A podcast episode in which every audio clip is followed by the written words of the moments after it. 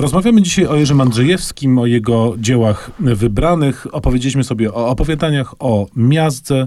Czas teraz na krótkie powieści. Tak, i zaczynamy od książki pod tytułem Idzie skacząc po górach. E, książka chyba, mam nadzieję, jakoś tam e, pamiętana. Głównym bohaterem jest Antonio Ortiz, który przypomina nam pewnego znanego hiszpańskiego mm, Co to we malarza. Francji długo mieszkał i chodził w takich koszuleczkach w paski. Tak, i on jest rzeczywiście starszym panem, który, tak jak ten hiszpański malarz, miał bardzo dużo przygód z różnymi kobietami i właśnie zastajemy go, go u początku takiejż.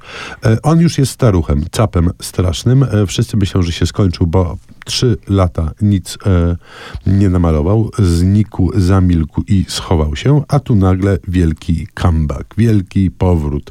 Za sprawą, jak się później okazuje, pewnej mistyfikacji, a być może nie do końca. No właśnie, nie wiadomo. Z bardzo wielu różnych perspektyw e, oglądamy powrót Antonio Ortiza do Paryża, gdzie 22 obrazy swojej nowej ukochanej światu chce przedstawić. Mm, opowiadają o nim bardzo różni ludzie, a to handlarze sztuką, a to dziennikarze, a to jeden zabłokany Polak, który zdaje się ma coś wspólnego z Markiem Chłasko.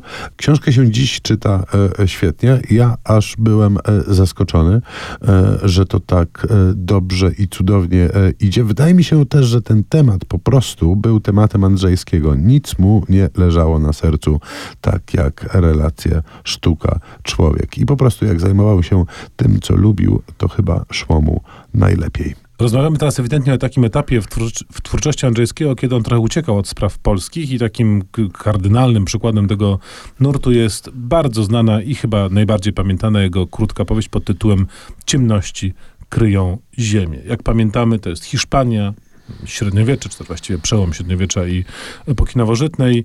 Wielka postać inkwizytora Torquemady, jego ucznia, ucznia, który najpierw e, ma poważne wątpliwości co do działania inkwizycji, a potem się w nią wciąga i sam przewyższa mistrza swoją bezwzględnością i y, działaniem. Świetna i uniwersalna opowieść, która wprawdzie wpakowana jest w ramy właśnie hiszpańskich y, wieków odległych, ale oczywiście czytano jako ewidentne rozliczenie z okresem stalinizmu, czy tego zaczadzenia socjalizmem, ale tak naprawdę ona będzie czytana i czytelna, myślę, zawsze, bo jest po prostu metaforą opowieści o takim uleganiu ideologiom, o tym, jak jednostka podporządkowuje się pewnej myśli nadrzędnej i co z tego y, wynika.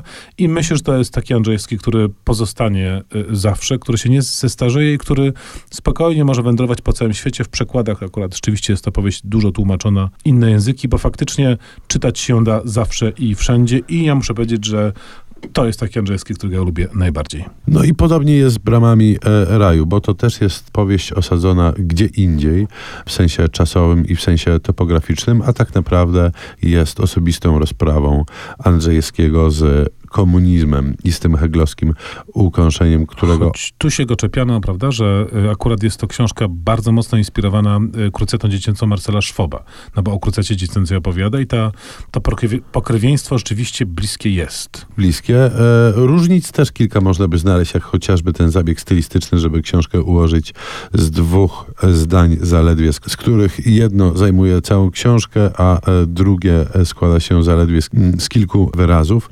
Ale to też e, e, książka, którą świetnie się czyta po prostu jako książkę o różnych ludzkich słabostkach. Czyli jak to teraz sobie tak ładnie podsumujemy, to robię notatki na papierze, ewidentnie Andrzejewski wychodzi na mocne plusy, to znaczy cztery z pięciu książek, o których mówiliśmy, bardzo nam się podobają nadal i budzą entuzjastyczny wręcz zapał. No skoro Bramy Raju, skoro Kruceta dziecięca, to my posłuchajmy muzyki z filmu, też o wyprawie krzyżowej, ale nieco innej, nieco innego filmu. Muzyka Harego Gregsona Williamsa z Królestwa Niebieskiego.